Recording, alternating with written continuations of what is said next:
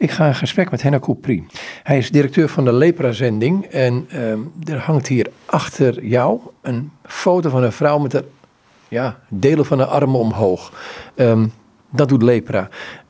Ik las wat jullie van jullie bladeren door. Misschien een beetje gek, gek, gek begin van zo'n gesprek. Maar ik las het door en een van jullie medewerkers zei...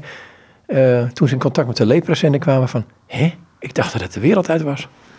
Ja, klopt. Het is natuurlijk geen ziekte die we in Nederland eh, tegenkomen.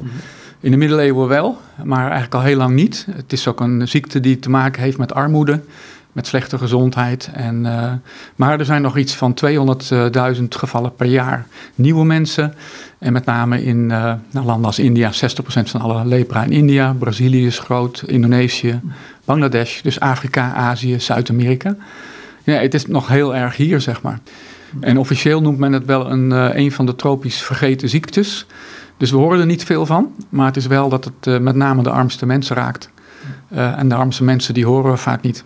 Hij zegt een tropisch vergeten ziekte, maar vroeger was de ziekte hier ook, zeg je al. En dan moet ik denken aan malaria, wat hier ook, zelfs er in Siberië geweest is. Dus nou zijn de tropen wel een heerlijke voedingsbodem, met de temperatuur en eh, de hitte en de vochtigheid. Ja, ja het, het, het gaat om een bacterie. Dus die bacterie die doet het goed als het warm is, als het vochtig is, eh, slechte hygiënische omstandigheden, mensen met slechte weerstand.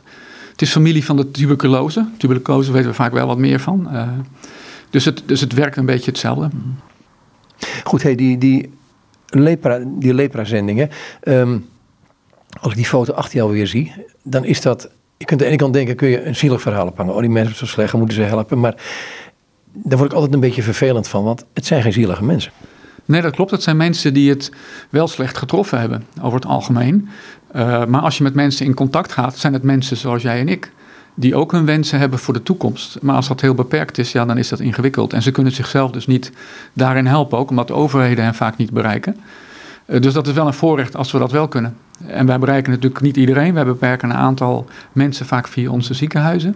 Ja, dan merk je gewoon uh, dat het om de mensen gaat. Wij hebben ook in onze ziekenhuizen, in India, in Nepal, hebben we ook staan. Dit ziekenhuis is er voor mensen met lepra. Zij zijn onze belangrijkste klant. Het gaat niet om ons, het gaat om jullie. Ja. Dat is een hele vooruitgang dat het ziekenhuis genoemd wordt, hè? Ja, ja vroeger had je leproserie, hè? het woord lepra zit erin. Ja, er zijn nu al wat langer, zeg maar, ziekenhuizen. Maar toen wij begonnen in 1874 met een, uh, een Ierse onderwijzer in India die daar met lepra-patiënten in aanmerking kwam. Ja, toen waren er geen ziekenhuizen voor mensen met lepra. We wisten niet wat we moesten doen. Beetje pap en nat houden, verzorgen. Uh, maar er zijn wel dingen mogelijk en dat is uh, mooi om te zien eigenlijk. Ja, ik weet de eerste lepra-zendingen, uh, maar ook Damian is een bekende vanuit België natuurlijk. Je noemt het pap en nat houden. Ze wisten nauwelijks wat ze moesten doen. Maar ze waren er wel voor de mensen namelijk. En Damian vooral dat verhaal heeft een enorme impact toch gaat op mensen van ja, hij ging erheen en stelde zich bloot aan. Nee, dat klopt, dat klopt helemaal. En het enige wat ze eigenlijk konden doen was verzorgen en helpen. Ja, Damiaan deed dit natuurlijk ook in navolging van Jezus. Hè? Hij zegt, ik, ik wil daar, uh, vanwege Jezus wil ik er voor deze mensen zijn. En uiteindelijk heeft hij daar zijn leven voor gegeven. En wij zien het eigenlijk ook als dat we dit in navolging van Jezus kunnen doen. Dat is natuurlijk wel mooi dat we een voorbeeld hebben uit de Bijbel... waarin over de melaatse wordt gesproken. Heel concreet ook met Jezus, die, in, die een melaatse tegenkomt... Uh, hem aanziet, hem aanraakt, met ontferming bewogen... en hem vervolgens ook geneest of reinigt staat er. Er zit ook nog een heel reinigingsaspect in. En waarom deed hij dat? Puur omdat hij de mens zag. Hij zag die mens die nood had en hij ging daar wat aan doen. En zo staan wij er ook in. Ja, hij, hij trekt in wezen weer terug in de gemeenschap. Klopt, ja. Dus hij zegt van, uh, je bent gereinigd, ga naar de priester, laat je zien. En op het moment dat je gezien wordt, dan mag je weer terugkomen in de gemeenschap. Want ze, mochten, ja, ze waren gewoon buitengesloten. Ja. Geldt dat voor zo'n meisje achter je, of die vrouw achter je? Je mag haar verhaal vertellen. Geldt dat, geldt dat voor haar ook, dat ze weer terug in de Indiase gemeenschap kwam? Of ligt het aan steeds gevoelig, uh, lepra? Dat ligt heel gevoelig. lepra is een, is een ziekte, nou in de Bijbel al, dat mensen buiten het kamp, eigenlijk bij de Israëlieten buiten het kamp, uh, Jezus mocht ook die persoon helemaal niet aanraken. Die persoon mocht niet eens in de buurt komen. Eigenlijk werd Jezus onrein toen hij de persoon aanraakte. Dus er was een grote angst. En men zei, is dat een straf van God? Is het een straf van de goden? Dat zie je ook in het hindoeïsme, dat zie je bij de moslims, dat zie je bij de christenen. Uh, dus er zit een heel groot stigma aan, terwijl het eigenlijk een bacterie is. Het is een huidziekte die eigenlijk heel makkelijk te verhelpen is. Maar er zit een heel stigma achter van uh, onreinheid en dergelijke. En tegenwoordig, nu er medicijnen zijn, kunnen we zeggen: het is niet nodig. We kunnen mensen gewoon voet behandelen. Dus als je het even over Nagamal hebt, dat is dat, die vrouw hierachter, die zwaar gehandicapt is. Wij hebben haar gevonden, ik kan in dit geval wij zeggen, de leprazending in India, eh, bij een overstroming een paar jaar geleden. Misschien nog wel eh, bekend, een jaar of twee, drie geleden. Toen zat zij in een hutje met water tot haar knieën. En er was niemand in de buurt. Iedereen had, zeg maar, was gevlucht vanwege de overstroming. Maar niemand kon haar meenemen. Zij kon niet lopen, ze zat in een rolstoel. En uh, ja, pas drie dagen later kwamen daar mensen van leprazending. En die vonden haar in een hutje. En ze was gewoon achtergelaten. En niemand zag haar, niemand hielp haar. En we konden haar helpen. En ze ging naar een ziekenhuis. En we hebben de wonden verzorgd en medicijnen gegeven. Uh, en ja, is ze teruggekomen in de gemeenschap? Nou, eigenlijk niet. Want ze zit nog steeds in ons ziekenhuis. Een soort, noem het maar, verzorgingshuis waar ze nog in zit. Bij uitzondering halen we dan nog nieuwe mensen binnen. Want we willen eigenlijk dat iedereen gewoon teruggaat naar de gemeenschap. En dat we zeggen van, deze persoon ziet er misschien uit als iemand met lepra, maar die is genezen. Want de bacterie is dood, we hebben medicijnen gegeven. En uh, we houden van deze vrouw, want het is net als jij of ik. Het is gewoon een schepsel van God. Maar goed, je krijgt het toch in de gemeenschap met angst te maken. Want ik, ik weet, een van jullie bladen is een verhaal van een jongen die getrouwd is. Hij heeft lepra gehad, is genezen helemaal. En toch zijn schoolfamilie denkt van, ja, dank je de koekoek, uh, even niet. Ja, dus er zit een heel groot stigma op. En sterker nog, het is niet alleen in de cultuur, zeg maar, maar het zit zelfs in wetgeving. Dus er, zijn, er is wetgeving, ik noem maar even in India, maar ook in Bangladesh. Ook de koloniale Engelse tijd, zeg maar. Vaak is het koloniale wetgeving. Waarbij als iemand lepra krijgt, mag je zeggen: Ik ga een echtscheiding aanvragen. Of die mag, mag ik weg, wegsturen. Want er zit gewoon gevaar. Iedereen denkt van rode lampjes gevaar. En het is zelfs zo als iemand lepra heeft gehad en genezen is. En die kinderen, die kinderen die kunnen ook niet trouwen. Want niemand wil trouwen met een, ja, zich verbinden met een familie. Bij ons is het natuurlijk veel individualistischer, maar daar verbind je je met een andere familie van lepra-patiënten. Nou, de meeste mensen willen dat niet, want die willen helemaal niet in de buurt komen van lepra. Maar wat doen jullie dan als lepra-zending? Want je kunt één ding is, is om het detecteren en mensen genezing te geven. Maar je krijgt met deze sociale, maar ook denk juridische problemen ook te maken. Ja, wij, wij doen zeg maar medisch werk en wij doen ook uh, fysiotherapiewerk en mensen zorgen dat ze hulpmiddelen krijgen. Maar er zit ook een aspect in van voorlichting, maar ook echt van lobby, van advocacy, wetgeving veranderen. En we zijn heel concreet bezig, ook met andere organisaties, wij doen dat niet alleen, om wetgeving te veranderen, ook in India.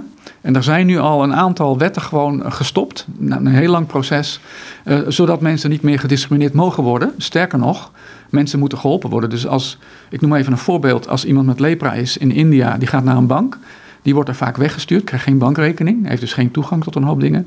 Terwijl de wetgeving zegt dat dat wel mag. Je mag mensen niet buitensluiten. Dus wat doen wij? Wij gaan met zo'n persoon mee. We gaan naar de bank en we zeggen we willen graag dat deze persoon een rekening krijgt. En dan zeggen mensen nee, nee, nee, of dat is allemaal ingewikkeld. Dan zeggen we, nou dan willen we graag met je baas spreken. En als dat niet lukt, nou dan gaan we gewoon aanklacht aan indienen. Dan komt er gewoon de wetgeving erop. Apart dat dat excuus zo vaak gebruikt wordt. Het is zo ingewikkeld. Het is ingewikkeld, ja. ja. Ja, mensen houden niet van moeite hè, als het ingewikkeld is. En soms hebben mensen gewoon dat gevoel en dan is het een excuus. Hè. Eigenlijk, ik wil het niet, dus dan heb ik een excuus. En het is met macht en onmacht. Hè. Als je onmacht hebt, dan kom je ook niet. Uh, maar net zo belangrijk is voorlichting. Dat we gewoon het verhaal vertellen. Lepra is een eenvoudige ziekte, kan genezen worden. Mensen zijn niet meer besmettelijk. Het is geen straf van God. En mensen kunnen een toekomst hebben. Ik las in jullie blad, ik kom er even op terug. Een jongen die um, in het ziekenhuis was met zijn moeder, dacht ik, en die kreeg um, de diagnose lepra en die is het ziekenhuis uitgerend. Ja, want bij voorbaat zijn mensen al bang. En me mensen weten vaak niet, de kennis over lepra is heel klein. Ik had het even over 200.000 nieuwe gevallen. Eh, dat zullen er meer zijn, maar deze worden gevonden. Maar dat is eigenlijk toch een relatief kleine ziekte. Het is niet alsof dat er miljoenen mensen. Dus de, de, de kennis in de, eh, in, in, de ziekenhuizen, maar ook in de local health, health offices, zeg maar. Die is, heel beperkt. Dus als je de kans dat je daar komt met lepra en dat een verpleegkundige, vaak is verpleegkundige, dat herkent, is heel klein. Dus er zit heel veel angst. Uh, en bovendien denken mensen, als ik wel lepra heb, dan, komt er een soort, ja, alsof het bijna een, een rechter is die een uitspraak doet. Je hebt lepra en dan zit er ook de stigma aan je. Dus mensen zijn ook vaak bang, komen te laat, zijn vaak heel zwaar uh, gehandicapt voordat ze komen. En dan ben je al te laat. En dan kan er hoger nog een operatie volgen. Ja, maar sommige dingen kan je opereren en sommige niet. Hè. Het, het, het, tast onder andere de zenuw aan, dus mensen worden gevoelloos. En als dat al te ver is, kan je daar niks aan doen. Je kan vaak nog wel wat hersteloperaties doen om handen weer wat functioneler te worden. Met ogen, met voeten. Maar ja, als je al heel sterke zweren hebt en je blijft gevoelloos, dan blijf je sferen krijgen. Beetje zoals bij diabetes. Hè? Mensen met hele zware diabetes, die krijgen ook wonden. En dat blijven ze de rest van hun leven. Dus die moeten dat blijven verzorgen.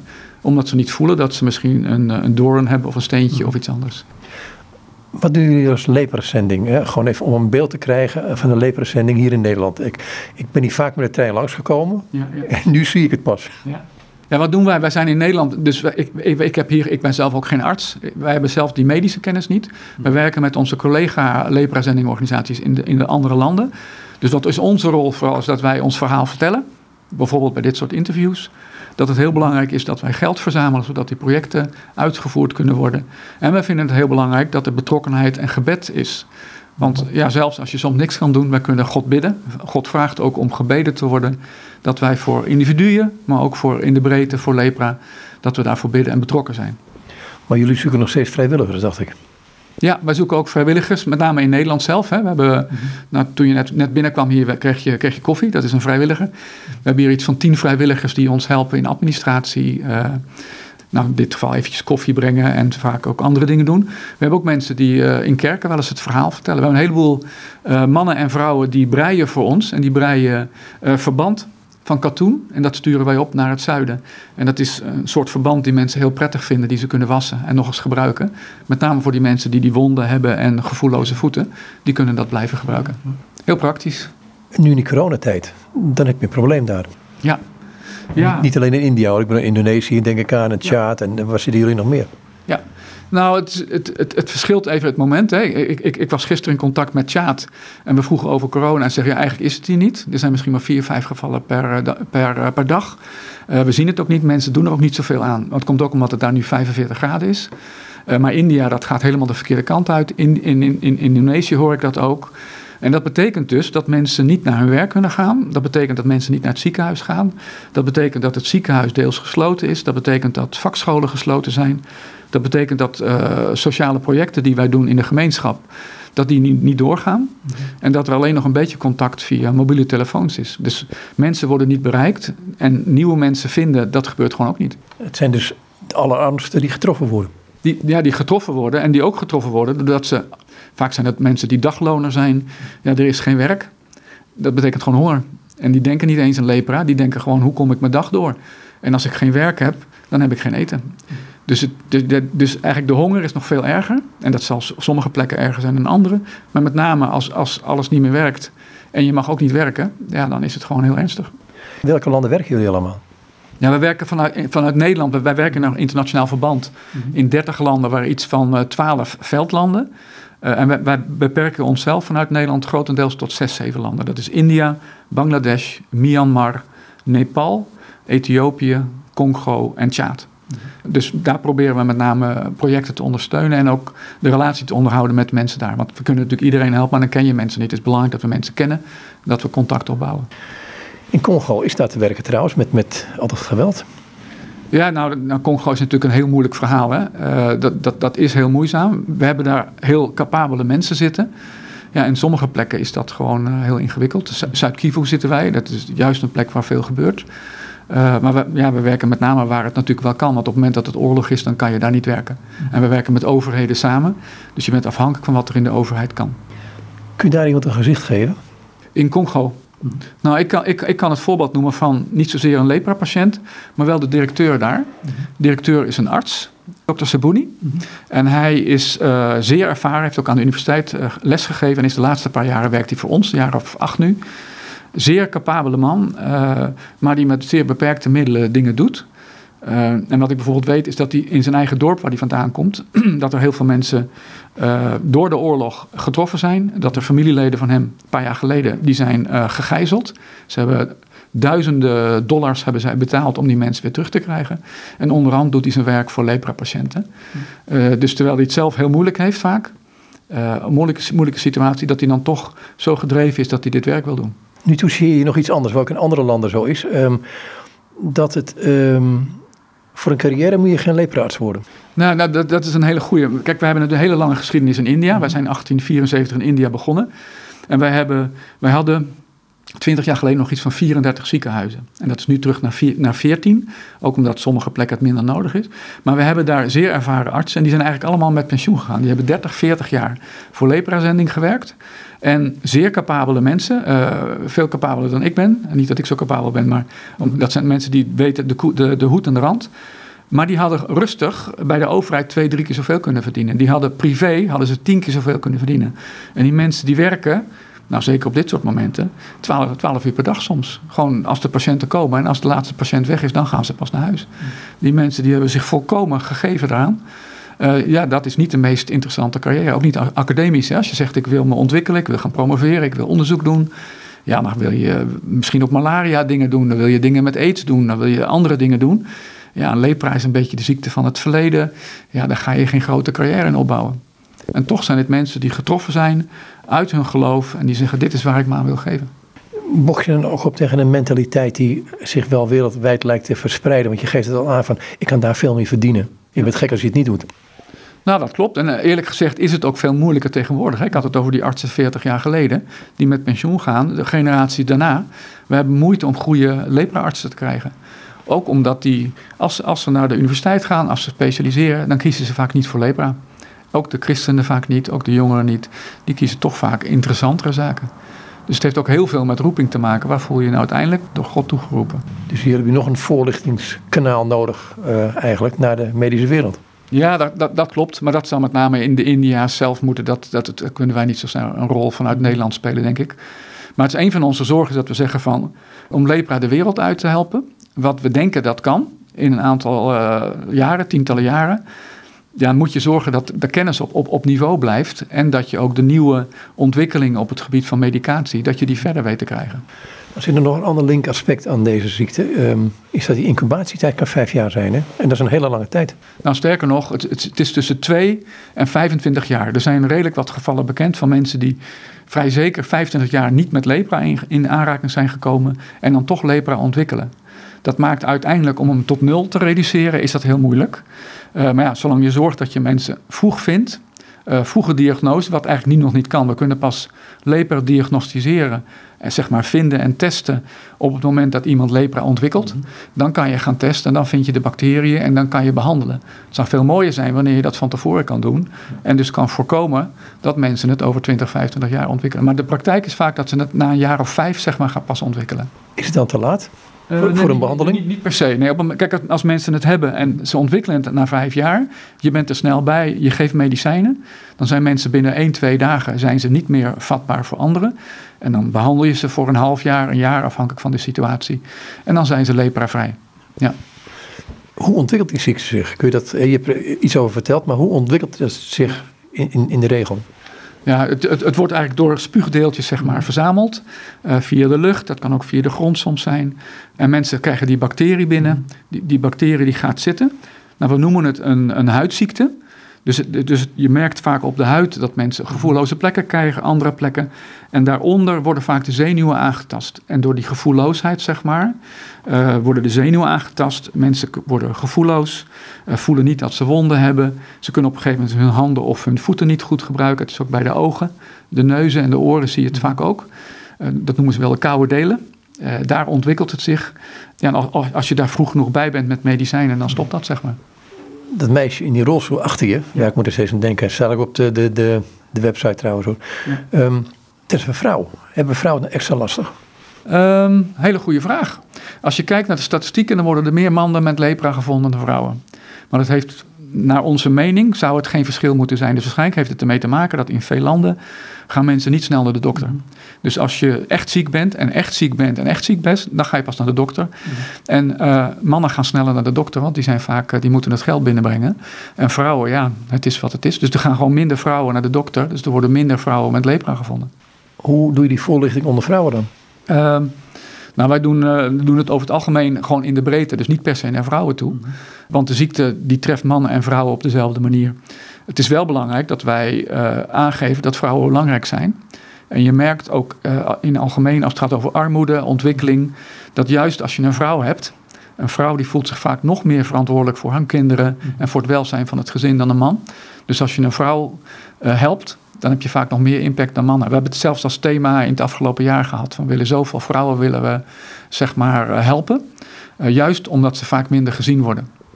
Nou, we hier corona in Nederland en, en er ligt een heleboel ligt plat. Um, je zal je bijeenkomsten missen. Mis je daardoor ook inkomen? Uh, nou, eerlijk gezegd waren we daar heel, vorig jaar heel bang voor. Uh, we zijn erg onder de indruk dat uh, onze donateurs trouw zijn blijven geven. En meer dan trouw. Dus we hebben zelfs iets beter gedraaid dan we begroot hadden. Daar zijn we heel dankbaar voor. Maar je merkt dat anderen, uh, ik noem maar even kerken. Kerken hebben aanmerkelijk minder, minder gegeven. Want ja, die collectors gaan niet door. Ze komen niet bij elkaar. Dus daar merk je dat het minder is. Maar met name, dat, er is ook onderzoek naar gedaan, mensen met een christelijke achtergrond zijn trouw blijven geven en meer trouw dan mensen met een niet-christelijke achtergrond. Ja, doordat het heel veel gesloten is, kun je je geld niet op een andere manier uitgeven, zeg ik dan altijd heel ondeugend. Nee, dat klopt. Ja, nee, maar dat, dat, geldt voor mijzelf ook. Bij mij was het ook. Ik ben ook meer gaan geven. Dus nee, dat, dat is alleen maar mooi en wonderbaarlijk. En we hebben ook extra kunnen geven, juist vanwege die coronanoodhulp. Hè. Dat was niet alleen ons gewone lepra-werk, maar ook werd voedsel uitgegeven aan mensen met lepra, aan mensen met handicaps die vaak niet bereikt werden. En ook vaak breder in de gemeenschap. Want we proberen uiteindelijk iedereen te helpen, maar je moet wel je keuzes maken. Met wie werken jullie hiermee samen, met dit, dit soort lepra-ziekenhuizen? Um, want er bestaat ook een lepra-stichting, dacht ik. Ja, nou, Lepra Stichting doet natuurlijk ook heel goed werk in Nederland. Uh, even een, verschil is dat Lepra, Stichting heeft in Nederland heel veel uh, capabele, uh, zeg maar ook artsen en doen heel veel aan onderzoek, ook financiering daarvan. Zij werken eigenlijk alleen maar door de lokale overheden heen. Dus zij doen veel aan voorlichting van overheden. En omdat wij al zo lang bestaan, hebben wij eigen ziekenhuizen, we hebben eigen mensen. Dus wij werken alleen eigenlijk door de lepra-zending organisaties in de verschillende landen. En al die lepra-organisaties werken ook met overheden. Dus wij komen ook met name internationaal lepra-stichting heel veel tegen. Ook nu we werken aan uh, het stoppen van lepra met allerlei organisaties en overheden. En ook Lepra Stichting die daar een leidende rol in heeft, komen we elkaar ook heel erg tegen. En dat is gewoon mooi dat we daarin samenwerken. Want uiteindelijk, uh, ja, een lepra-patiënt maakt het niet uit of hij nou door de Lepra Stichting of door de Lepra Zending wordt geholpen. Um, waarom doe jij dit werk? Ja, waarom doe ik dit werk? Even heel praktisch. Uh, mijn achtergrond is tropische landbouw. Ik heb zelf in de, in de tropen gewerkt als landbouwkundige. Ja, waar? Ik heb gewerkt in, ik heb stage gelopen in Ivoorkust. Ik heb uh, gewerkt in Papua Nieuw-Guinea een aantal jaren in uh, Indonesië, in Irian Jaya, voor Kama Zending. Ja, heel mooi werk. Ja, je, je, leeft niet voor jezelf. Uiteindelijk zoek je zingeving. En waar, waarom, waarom leef ik nou? En, dan, en toen kwam ik, kwam ik in Nederland. Mijn vrouw is een aantal keren ernstig ziek geworden. We zijn vroegtijdig teruggekomen. En toen was er in de EO-visie, meen ik, een advertentie voor een directeur leprazendingen. We waren toen nog een hele kleine organisatie, nu nog steeds niet zo groot. Nou, mijn schoonvader zei van uh, solliciteer maar. En toen dacht ik, ja, directeur, ik ben geen directeur, ik ben een man uit het veld, ik wil graag praktisch bezig zijn. Uh, maar uh, ja, ik, ik, werd aangenomen en eigenlijk had ik allerlei aspecten die ze nodig hadden. Ik had ervaring in fondswerving, ik had ervaring in ontwikkelingswerk, ik had ervaring in zendingswerk. En is eigenlijk een hele goede match gebleven. En dat is nu 18 jaar geleden. Ik werk nu 18 jaar voor Leprazending. En dat geeft mij heel veel zingeving. Ik vind het een, voorrecht dat ik dit mag doen voor mensen die zo achtergesteld zijn. Ja, zonder dat ik het zwaarder wil maken. Want het is, ja, ik heb hier ook een baan en ik, ik, ik mag met uh, mijn collega's mag ik dit werk doen. Ik vind het een voorrecht. Wat, wat is zingeving dan? Ja, zingeving heeft te maken met waarom leef ik nou. Hè? Het komt door allerlei dingen natuurlijk heen. Ik ben, ik ben christelijk opgevoed in een uh, synodaal gezin. Later wat meer ook de evangelische kant op gegaan. Uh, ja, je leeft niet voor jezelf. En mm -hmm. ik, ik, ik merk gewoon dat ik dit heel belangrijk vind. Uh, dat je het is, het is bijzonder dat God ons lief gehad heeft. He, zo ben ik opgevoed. God houdt, heeft ons lief. Hij heeft God lief boven alles. Dus daarna willen wij God lief hebben en je naast als jezelf. En ja, wat maakt nou dat je succesvol bent? Um, ik heb wel eens gezegd, ik heb, ik heb zelf plantenveredeling gestudeerd in Wageningen en tropisch plantenteelt. En dat heeft te maken met goede dingen nog beter doen. En dat past heel erg bij mijn karakter. Dus ik, ben, ik wil graag met de goede dingen bezig zijn en dat nog beter maken ja, dat, dat drijft mij. Dat zit even in het aard van het beestje, denk ik ook. Toch nieuwsgierig naar uh, Papua Nieuw-Guinea of Jaya. Um, ja. Daar heb je met mensen gewerkt. Um, kwam je daar als de westeling die, ja, je hebt gestudeerd, het toch ja. al wist? Ja, nou, met, name de eerste keer, toen was ik net een paar jaar afgestudeerd. En toen ben ik naar Papua Nieuw-Guinea gegaan. En toen was ik provinciaal agronoom. Nou, dat klinkt best wel groot. Maar is eigenlijk gewoon een landbouwkundige met een universitaire opleiding. En toen werkte ik ook in het lokale ministerie, het provinciale ministerie in Papua Nieuw-Guinea. Nou, er zijn 19 provincies, dus allemaal, dat stelt allemaal niet zo heel veel voor. Maar ja, mijn bazen waren Papua's. Ik werkte gewoon in het ministerie uh, als een vrijwilliger. Uh, VSO werkte ik toen voor een seculiere organisatie. Om met name met mensen samen te werken. Maar mijn bazen waren Papua's. En de mensen onder mij waren Papua's. Dus ja, uh, het, is niet, het, is, het is een beetje de westeling, want ik had wel gedeeltelijke kennis. Maar mijn ervaring was zeer beperkt. Dus ik heb daar grote fouten gemaakt. Ik ben heel erg gaan investeren in zo'n... hoe maak ik die farm beter? En uiteindelijk is die farm later uh, weggenomen en was er niks meer over. Dus ik heb, ik, ik heb geleerd, je moet meer in mensen investeren. Want mensen die ontwikkelen zich en die gaan zelf zich ook weer vermenigvuldigen. Dat was voor mij echt een les. Ja. Je, je kwam de Nederlander in jou tegen? Ik kwam de Nederlander in mij tegen. Ja, niks, niks menselijks is mijn vreemd, zou ik maar zeggen. En ik wilde ook maar goed doen en het ook mensen, mensen goed laten doen. Maar ik, het is niet zo dat ik nou, nou helemaal dominant binnenkwam. Ik ben echt wel iemand die het met de mensen wil. Dat leer je ook wel in Wageningen. Hè? Participatief en mensen meenemen in alles.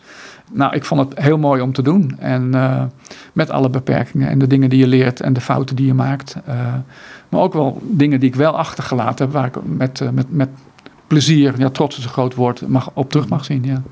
Ja, maar je komt, je komt een Nederlander tegen. Dan heb ik het niet over per se de, de Nederlander die even wil laten zien wat hij weet. Maar er zit toch iets in het Nederlander zijn wat...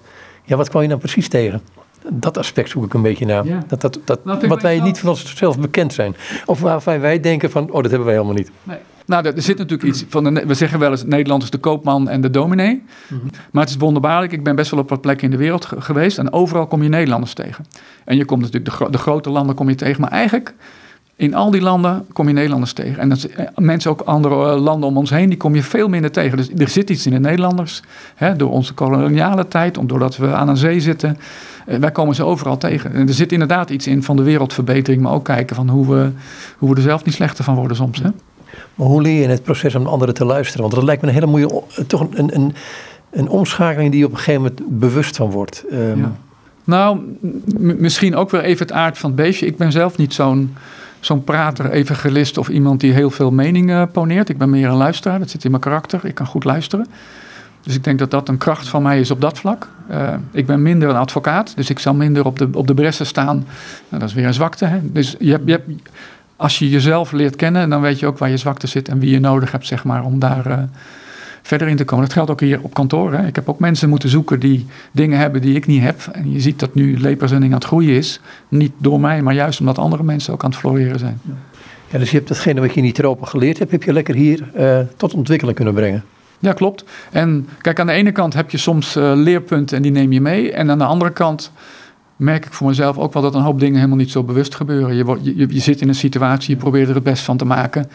Nou, toevallig was ik vanochtend even aan het nadenken over deze, dit, interview ook. Ja, toen ik 18 was, dacht ik eigenlijk dat ik het allemaal wel goed wist. Hè? Ik, heb, uh, ik, heb, kom uit een stabiel gezin, ik heb een goede opleiding kunnen hebben. Ik ben christelijk opgevoed, ik heb het meegenomen. En op mijn 18e dacht ik, ja, ik had het plaatje eigenlijk wel duidelijk. Hè? Ik, ik ben nu 58. Ik heb het plaatje eigenlijk veel minder duidelijk dan ik toen had. En ik ben veel meer om me heen aan het kijken. En ik merk dat dingen soms ook wel anders zijn dan ik altijd gedacht heb dat ze zijn. Dus dat vind ik eigenlijk wel heel leerzaam. En waarbij ik eigenlijk alleen maar meer uh, om me heen ga kijken. Zat, ik, had, ik had het plaatje duidelijk toen ik 18 was. Ik ken ja. het wel hoor. Ik bedoel, ja. we zijn jong geweest allemaal tenslotte. Ja. Um, wat zijn daar van die, van die cruciale momenten geweest waardoor je net even een andere richting op kon kijken? Of net even um, dat ik dacht al dat ik het allemaal wist, kwijt kon raken? Nou, misschien, kijk, het heeft met jeugd te maken.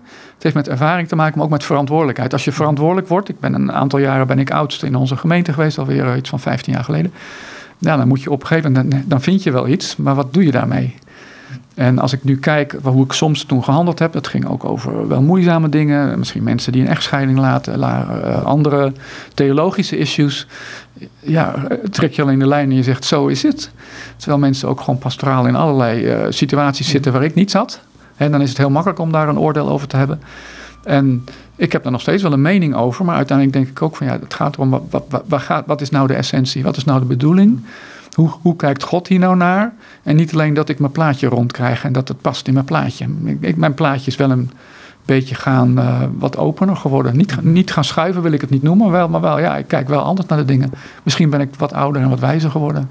Ja, dat, ik vraag me af of dat alleen met ouderdom komt. Maar goed, er zijn ook jonge mensen die heel wijs zijn. Maar, nee, maar het gekke is, je zei op een gegeven moment, zei Jezus door, door, doorbrak een bepaalde conventie. Want in het Oude Testament, het volk van Israël, leprozen buiten de plaats en die mag je niet aanraken. Ook de huizen niet waar ze wonen, waar schimmel kan zijn, noem het allemaal meer. Hij doorbrak dat. Ehm, is dat doorbreken wat ook bij jou gebeurde op een gegeven moment? Want je kunt een heel theologisch en goed plaatje hebben, maar dan komt Jezus binnen en dan denk je, hallo? Ehm, ik denk dat ik nog in dat proces zit. In, in, in die zin probeer ik altijd wel uit mijn, mijn plaatje te handelen. En ik merk dat de andere, mijn, mijn, mijn vrouw, die is daar wat opener in. En ja, daar leer ik ook van. En van anderen leer ik dat. Uh, en ik zie de kracht van mijn eigen positie, maar ik zie ook de kracht van de andere kant. Ja, dat noem ik door schade en schande. Ik, ik, ja, dus ik zit daar denk ik nog middenin. Heb je er gewoon wat praktische voorbeelden bij? Um, ja, misschien dat ik sneller denk dat dingen op een bepaalde manier moeten. Uh, dan gaat het over, ik, ik, ik, ben toch in een bepaalde orthodoxie ben je opgegroeid. Als het gaat over dingen naar homoseksualiteit, gaat het vaak in de kerk over uh, dat soort verhalen. Maar de essentie gaat natuurlijk, gaat het daar niet over. Hè? Het is, het is misschien een aspect, daar mag je iets van vinden. Maar uiteindelijk gaat het erom van, hoe kijkt God in deze situatie? En het, is, kan voor mij heel makkelijk zijn om een lijn te trekken. Maar God die kijkt naar de mens en die wil dat de mens en de wereld, dat, dat we daar iets voor betekenen. En als we in onze eigen kerken zeg maar alleen onze mening hebben en, en naar binnen kijken en proberen het heilig en rein te houden, dan missen we ons doel. Want uiteindelijk gaat het erom dat wij God laten zien in de wereld. En, en, hoe doe je dat? Dat doe je niet door alleen maar lijnen te trekken. Dat doe je volgens mij om Gods liefde uit te stralen. En te laten zien juist de rijkdom van God. En niet uh, de armoede soms van onze eigen gebreken. Ik weet niet zo goed hoe ik het moet zeggen, maar... Nou ja, je zei net iets als van Jezus raakte de relatie aan. Werd, daardoor raakt hij een onreine aan, hè? Ja, ja klopt. Nou, misschien dat je het ook, als je het hebt over vluchtelingen. Dat vinden wij heel ongemakkelijk. Dat vind ik ook ongemakkelijk. En er zitten allerlei politieke aspecten aan. Dat je zegt van ja, maar ja, komen ze, komen ze hier nou alleen maar als gelukzoekers? En, en wie, wie zijn nou de echte vluchtelingen en wie niet? Ja, ik, ik, ik, zag Jezus dat soort vragen niet zo vaak stellen eigenlijk. Hij zag iemand, hij keek met ontferming en hij deed wat hij op dat moment moest doen. Ja, dat mag ik ook nog wel mee leren. Is dat de essentie misschien van het christen zijn? Dat, dat we de moed hebben om Jezus ons te laten ontmoeten? Ja, ja dat, dat denk ik wel. Ja. Ja, en, en, en, zien wij werkelijk die anderen? ik, ik, ik, heb een, uh, ik, ik, ik ben een boekje aan het lezen van Samuel Wells, uh, misschien bekend, predikant uit, uit Engeland. En ook een ethicus. Die, die, die, schrijft een boekje over een aantal onderwerpen. waarin hij hele interessante perspectieven pakt. uit een op zich goed orthodoxe manier. Mm-hmm. maar wel kijkend waar gaat het nou over en wat is nou het perspectief. En een, een van de dingen wat ik herinner is dat die. Uh, ik, ik, zit pas halverwege het boekje, maar het gaat over allemaal losse onderwerpen uit de wereld. En over, over leed en over uh, dingen die je kan doen. En een daarvan dat ging over handicaps. Hoe kijken wij nou naar handicaps? En dan noemt hij een hoofdstuk uit uh, een van de evangeliën waarin heel veel ziekten en handicaps worden genoemd. En het aspect wat hij eruit haalt is niet zozeer dat iemand die blind is genezen wordt. Maar het aspect wat hij eruit haalt is dat Jezus ziet de mens en hij ziet die mens. En hij handelt daarop. En hij roept ook ons op om die mens te zien. En of dat nou een lepra-patiënt is, of een blinde, of een vluchteling, of iemand die wij, waar wij moeite mee hebben, een, een, zwerver, ik, noem maar wat, dan uh, ja, wat zien wij? Zien wij moeite en zien wij beperking, of zien wij een mens die God lief heeft? En waarin wij opgeroepen worden om lief te hebben. Dat vind ik nog wel ingewikkelder als het heel ver van je bed is, om lief te hebben iemand die je eigenlijk niet goed kent. Ja. Maar goed, je hebt in die landen ook gewerkt, dus ben je ook geweest uit die landen waar, waar de lepra is? Ja, ja, ja, ik ben verschillende keren in India geweest, Bangladesh, uh, Congo niet, maar ik ben echt in veel landen geweest. Ik heb de ziekenhuizen gezien, ik heb met mensen gezeten, ik heb mensen aangeraakt. Uh, heel bijzonder overigens als je iemand met lepra aanraakt, omdat ze vaak jaren niet aangeraakt zijn. Maar was het voor jou ook moeilijk om die persoon aan te raken? Daar heb ik geen moeite mee, eerlijk gezegd. Nee, nee. Nou, er zit ook geen angst in, omdat ze zeggen ook de kans dat je het krijgt is nihil. Uh, nee, daar heb ik geen moeite mee. Uh, dat is misschien een voordeel. Mm. Maar om het echt door te laten dringen, wat mensen meemaken, dat vind ik nog wel eens ingewikkeld. Ik ben wat nuchter. En, uh, mm. en om het werkelijk te voelen wat die persoon voelt, dat, ja, dat vind ik nog wel ingewikkeld een paar van die ontmoetingen die daar gehad hebt beschrijven gewoon? Het mag een variëteit van landen zijn hoor. Ja, ik was een paar jaar geleden was ik in Bangladesh. Mhm. In een ziekenhuis. En toen heb ik een paar mensen ook geïnterviewd. Ook voor ons blaadje, zeg maar. Dat je wat verhalen kan vertellen. En ik was daar met een, een vrouw die had, had lepra. En haar dochter die was erbij. Die had geen lepra. Die was daar op bezoek. En wat mij aanraakte is eigenlijk hoe gekwetst en in elkaar gedrukt die moeder zat. En hoe die dochter zeg maar, zich uitstrekte. Terwijl haar man van die vrouw met lepra, die was niet gekomen. Want die heeft het druk en die zou komen en die kwam maar niet. Uh, hoe die vrouw leed, uh, even buiten de ziekte, door de, de afwijzing en niet gezien worden. En eigenlijk ook dat haar man haar, afwees. En ik heb daar zelf nog foto's van. Ik heb, ik heb nooit iemand zo ontmoet die zo, ik noem het maar even, down of in zichzelf gekeerd. En ik heb haar geïnterviewd via een uh, vertaler. Ik was er echt door ondaan. En zo'n jonge, jonge vrouw van een jaar of 18 die erbij zit. En waarbij ook het verhaal wordt verteld. Ja, zij kan waarschijnlijk nooit gaan trouwen. Het was een knappe vrouw. En die moeder zegt, ja, zij kan nooit gaan trouwen, want ik heb lepra. Dus vanwege het feit dat de moeder de lepra had, kon de dochter niet trouwen. Ja. En, en haar man die haar uh, uit, uh, wegstoten. En dat hoorde ik niet van haar, dat hoorde ik overigens van de staf. De staf die velde dat verhaal. Die zegt, ja, die, we hebben die man aangesproken. Die zegt, kom naar je vrouw. Ja, nou, allemaal smoesjes. Smoesjes. En die vrouw die zit daar, die heeft uh, zware sferen. Die moet daar een paar maanden zitten. Heeft waarschijnlijk geen lepra meer. We hebben wel de pillen gegeven. Maar die zit daar gewoon zwaar met, ook met reacties, zeg maar, op de antibiotica. Wat, wat heel pijnlijk en moeizaam is. Uh, ja, en niet gezien door haar man, niet gezien door haar gemeenschap. Ze ervaart wat dat voor haar dochter gaat betekenen. En die dochter zit daar uh, trots en goed en lieflijk bij. Dus dat was mooi om dat te zien. Maar ja, dan komt het wel binnen. Ja, terwijl ik ook uh, dochters heb en ik heb ook een vrouw. En, ja. en denk je dan niet, wat kan ik doen? Jeuken je handen niet? Of, of, of ben je gewoon machteloos dan? Ja, wat, wat, wat kan ik doen? Wij, wij kunnen haar verhaal vertellen. En wij kunnen geld ophalen waardoor dat ziekenhuis draait en dit soort mensen helpt. En ze doen niet alleen het medische zorg, maar ze zorgen dus ook dat mensen in zelfhelpgroepen kunnen. Soms ook een eigen loon verdienen. Soms kunnen ze een uh, opleiding krijgen of een krediet. Dus we kijken ook verder dan het medische. We kijken ook naar het sociale. En we kijken ook naar het pastorale. Want uiteindelijk, als je het hebt, wat, wat is nou iemand die genezen is? Genezing is meer dan, dan het lichaam. Het gaat ook over de geest. En wat kunnen we daar betekenen? Soms kan je weinig betekenen. Hè? Als het in een moslimland, je kan in het ziekenhuis zijn bij openlijk christen. Iedereen is daar christen, of bijna iedereen. Daar komen ook counselors. Maar ja, we kunnen alleen het verhaal vertellen als mensen open zijn en als we misschien met ze kunnen bidden. Wij evangeliseren niet, maar we, mensen weten dat we christen zijn en we kunnen dat laten zien.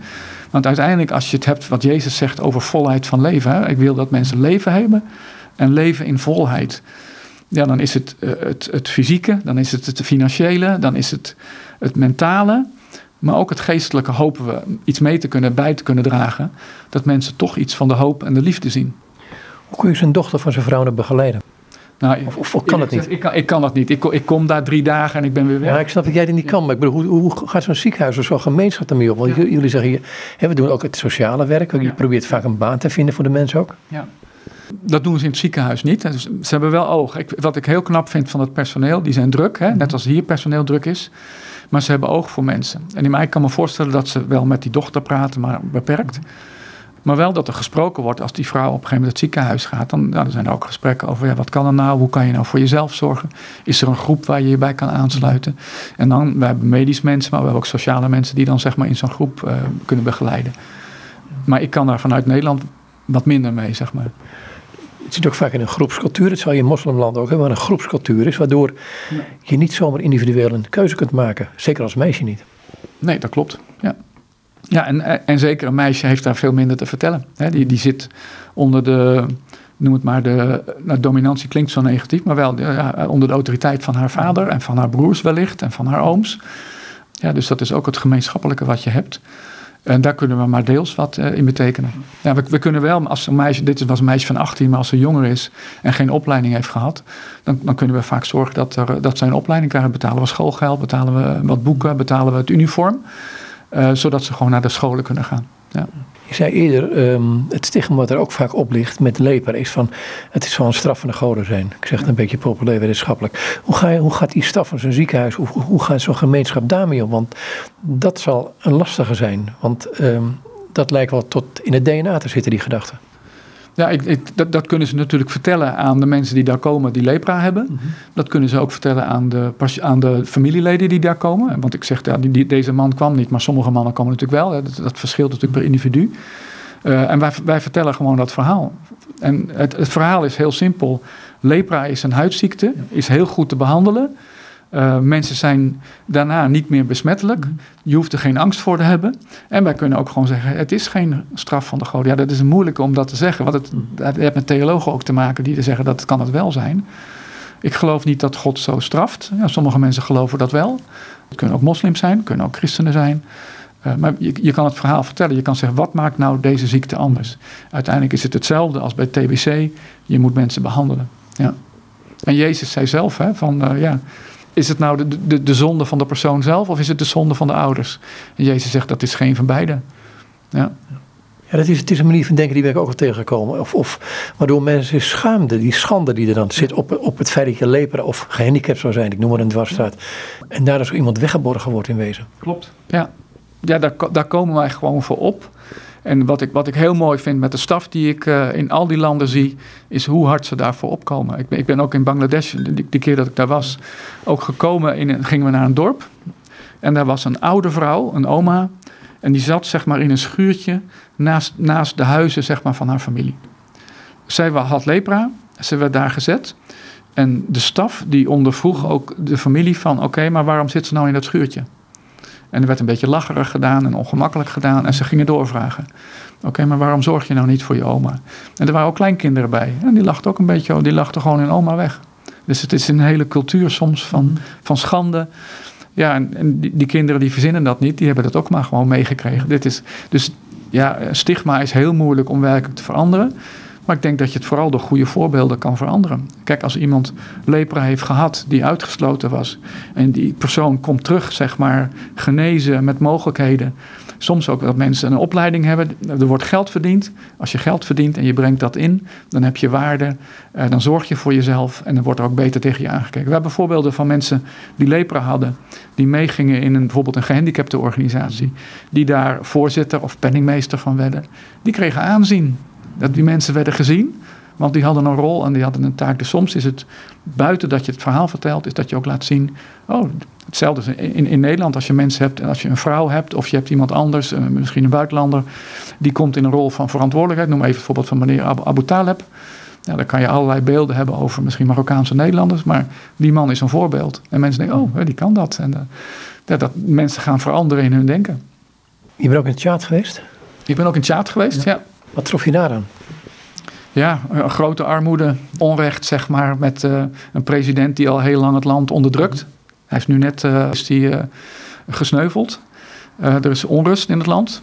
Geeske Zijp werkt daar al meer dan twintig jaar, een Nederlandse verpleegkundige. Zij is nog onze enige Nederlandse veldwerkster, zeg maar. Stigma speelt heel erg en ja, uiteindelijk probeer je gewoon het voorbeeld te geven. En dat is wat Geeske doet, dag na dag uh, geven om mensen. Mensen staan vaak in de rij voor haar, voor haar huis om geholpen te worden. Dit is de laatste die jullie uitgezonden hebben, of de enige? Ja, nee, toen, toen ik kwam, 18 jaar geleden, had ik nog iets van 10, ik noem het maar even units, hè, families, uh, echtparen en alleengaanden die in allerlei landen van leprazending werkten.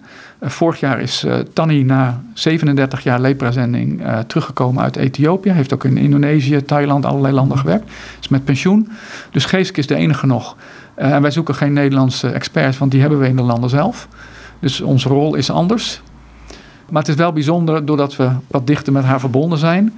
En dat kunnen we ook meer laten zien, zeg maar, wat je kan betekenen in zo'n land. Ja, zelfs ook meer in de leeftijd die je een beetje begrijpt. Klopt, ja. ja. Maar ja, toen ze daarheen ging was ze eind twintig, denk ik. Ja. Verpleegkundige en uh, ook uh, ze was voetvrouw. maar ze werkt eigenlijk als verpleegkundige lepra-coördinator van het werk in het land ja, bijzonder aan haar is met name haar passie en compassie. Ze, ze alleengaande vrouw, uh, woont en leeft ook met, met de mensen daar. Heeft uh, jaren op een, uh, op een matje geslapen, zeg maar. Ook gewoon tussen de mensen. Ook in de blindenschool met kinderen die daar kwamen. Nou, we hebben nu gezegd dat moet wat meer gescheiden ook zijn. is ook gezonder. Ze heeft gewoon een bed en een kantoor. Ze zijn net vorig jaar verhuisd naar een nieuwe provincie waar ze werk doen. Maar sinds de afgelopen week is weer teruggekomen naar de oude provincie vanwege de onrust in het land. Mhm. Vanwege de veiligheid, omdat de mensen kennen daar al heel lang. Dus dat geeft hun ook en het werk ook veiligheid, zeg maar. Kun je nog één bezoekje brengen met mij aan een land waar je geweest bent? Ik ben naar Myanmar geweest. Uh, ook een land, uh, boeddhistisch land. is ook weer wat anders dan sommige van de andere landen. Ook uh, eigenlijk hetzelfde verhaal weer. Mijn gevoel iets minder stigma dan in een, in een hindoeland en in een moslimland. Maar ja, uiteindelijk is het verhaal hetzelfde. Mensen worden toch uitgestoten, niet begrepen. Uh, je moet jezelf de verhaal houden. Uh, ja, Myanmar zitten we nu met de situatie dat er een staatsgreep is. Mhm. Dat, uh, ik heb vorige week weer met onze directeur gesproken, eigenlijk deze week nog, dat het zeer moeizaam is. ze kunnen via mobiele telefoons nog communiceren. Ze mogen sommige projecten nog uitvoeren. Ja, zeer moeizaam. Maar we gaan wel door. Kun je er iemand een gezicht geven die je daar tegenkwam? Ik kan me herinneren dat ik daar een, een vrouw in het ziekenhuis tegenkwam. Een oudere vrouw die uh, ook lepra-reacties had. Dus allemaal bultjes in haar gezicht. Een, echt, echt een, een oude vrouw. Ik, ik, ik, het kan best zijn dat ze eind 50 was. Uh, maar ze ziet eruit als eind 70. Lepra, uh, vingers weg, voeten met grote zweren in het verband. Ziet er oud uit, armoede, ja, die zit dan in het ziekenhuis zeg maar een paar maanden lang tot de zweren allemaal goed verzorgd zijn. En ze weer naar huis kan en ze weer voor zichzelf kan zorgen. Wel familieleden die op bezoek komen. Bijzonder de zorg die ze ontvangt van de staf. De staf komt erbij zitten, vertelt het verhaal, laat ook dingen zien. Vraag ook toestemming dat we haar verhaal mogen vertellen en de foto's mogen laten zien. We leggen dat ook uit. Ja, heel veel verhalen zijn hetzelfde. Ja, ja het zijn andere mensen, dus een ander gezicht. Maar hoe, hoe uh, kun je in gesprek treden met zo iemand? Als het een vrouw is in zo'n cultuur?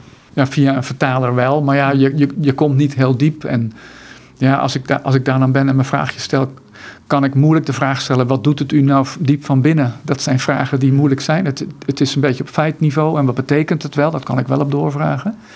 En daarom is het vaak belangrijk om juist de staf te hebben die daar, zeker als iemand daar een paar maanden is, zeg maar, hen echt ook goed te leren kennen en ook gesprekken hebben. Dus soms horen we meer terug van de staf dan dat we van de persoon zelf horen. Als ik informatie wil over de leprazending, waar kan ik die vinden? Ja, via onze website www.leprazending.nl. Daar lees je over nieuws. Mhm. Uh, wij geven een nieuwsbrief uit die we regelmatig rondsturen. Wij sturen ook uh, brieven rond waarin we om steun vragen. We hebben een gebedsbrief. Dat kunt u allemaal op de website vinden. En binnenkort gaan we een actie beginnen, een uh, collecte in juni. Een digitale collecte, waardoor we toch weer proberen, met name ook voor de ergste gevallen op dit moment, ook met corona, proberen we extra te kunnen doen. Mhm. Wat moet ik me voorstellen om een digitale collecte? Is dat met zo'n QR-code? Met een QR-code, ja, klopt ja. En uh, via een website, je kan mensen mailtjes sturen, je kan doorsturen. En wij zouden het prachtig vinden als mensen ook een collectebus aanmaken. En zeggen van, nou, ik, ik, ik zou wel iets willen doen voor mensen met lepra. Daar kan je zelf iets in doen, maar de meeste mensen kennen wel 10, 20 mensen die ook iets willen geven. En voor ons is het aan de ene kant fijn dat we dat geld hebben, maar we vinden het ook heel belangrijk dat mensen op een of andere manier betrokken worden met mensen met lepra. Ja, want je kan echt met heel weinig kan je verschil maken. Waarom is gebed zo belangrijk voor jullie? Het is ook een geestelijk verhaal. Hè? Wij zeggen dat lepra geschiedenis kan worden.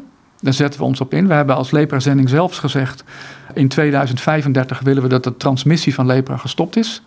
Nou, uh, ambitieuze doelen, maar uiteindelijk kunnen wij dat niet. Hè? Is, is het ook een verhaal van God? Is het van genade? En uh, iedereen moet daarin meedoen. En, maar we geloven wel dat dit op het hart van God ligt.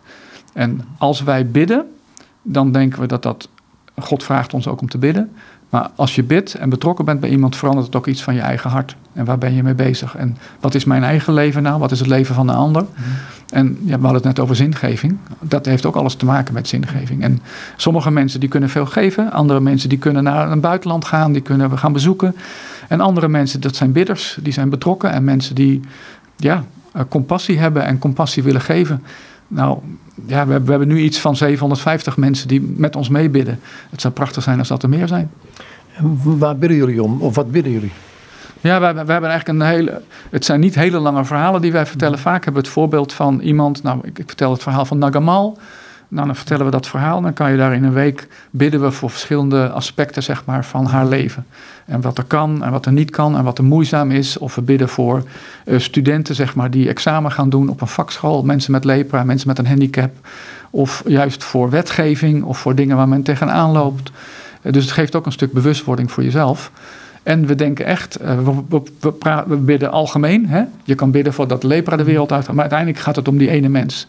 En op die tweede mens en op de groepen die daar zijn, kan je daarbij betrokken zijn. En ja, wat zie je bij Jezus? Jezus was met ontferming bewogen en hij deed er iets aan. Nou, ik denk dat je door gebed iets heel concreets kan doen. Je kan zeggen, ja, het kost je niks. Ja, het kost je wel iets. Het kost iets van wie je bent en hoe je meeleeft met iemand anders. Het gaat in wezen om met hulp in bepaalde van die landen op hele kleine, kleine bedragen, relatief gezien. Klopt, ja. Ja, wij proberen dat even tastbaar te maken. Wat kan je nou doen? Uh, wij kunnen voor 24 euro kunnen we iemand lepra maken door de medicijnen uit, uit, uit te reiken. Je kan voor uh, iets van 48 euro, ik heb de bedragen niet paraat, mhm. kunnen wij een handoperatie laten doen of een oogoperatie laten doen. Ja, één operatie is 100 zoveel euro, andere is 48 euro. We hebben voorbeelden op onze website waar je gewoon heel concreet aan kan geven. Hey, um, we hebben het in het programma gehad over uh, mensen die een die, daar kan je een opleiding voor verzorgen. Je hebt het over vrouwen wat gehad, over wat het doet, het, het stigma, het, de moeilijkheid om te kunnen trouwen daarna.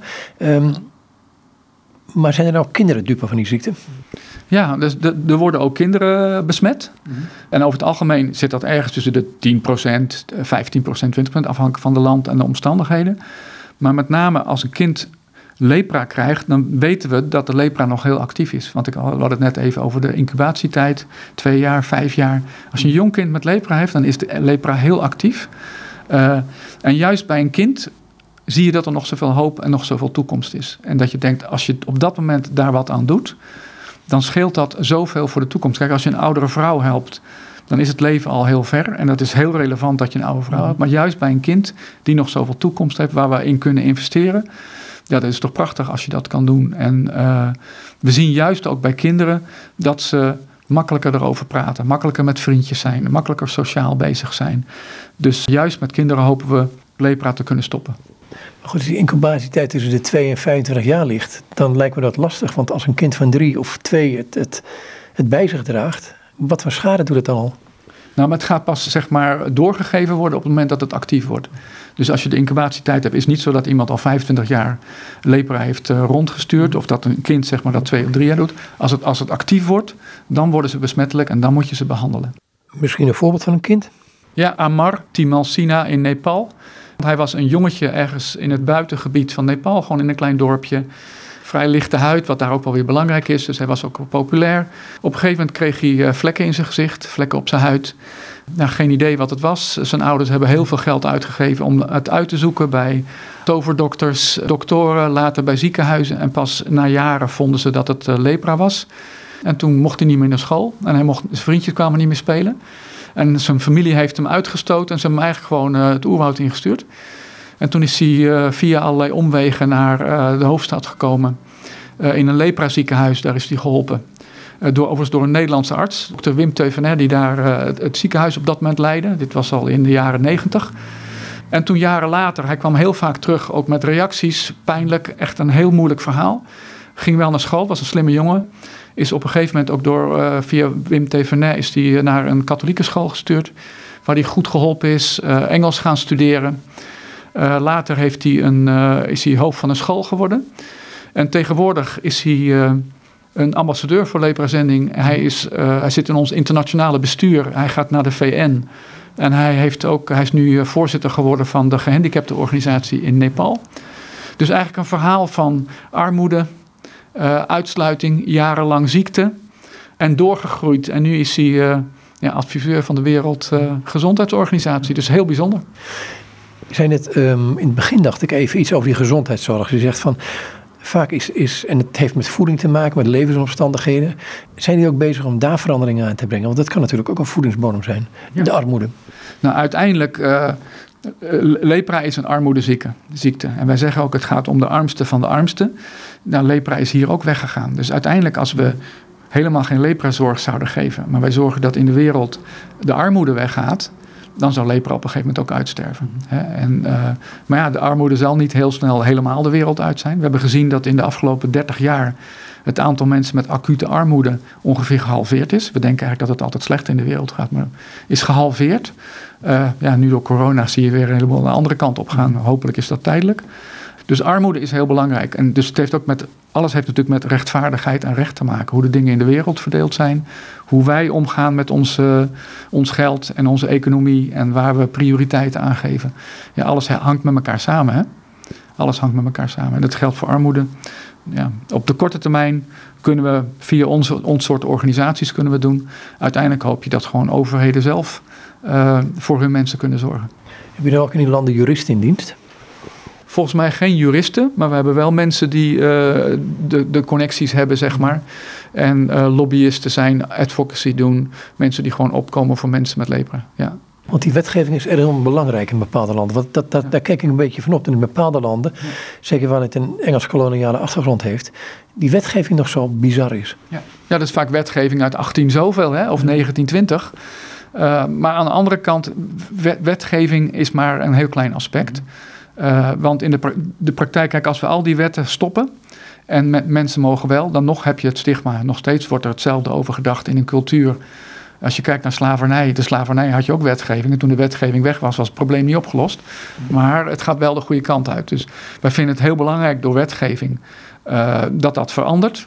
En eerlijk gezegd is er ook best veel openheid hoor. Dus ook in landen als India zullen er heel weinig mensen zeggen van nee, dit moet blijven.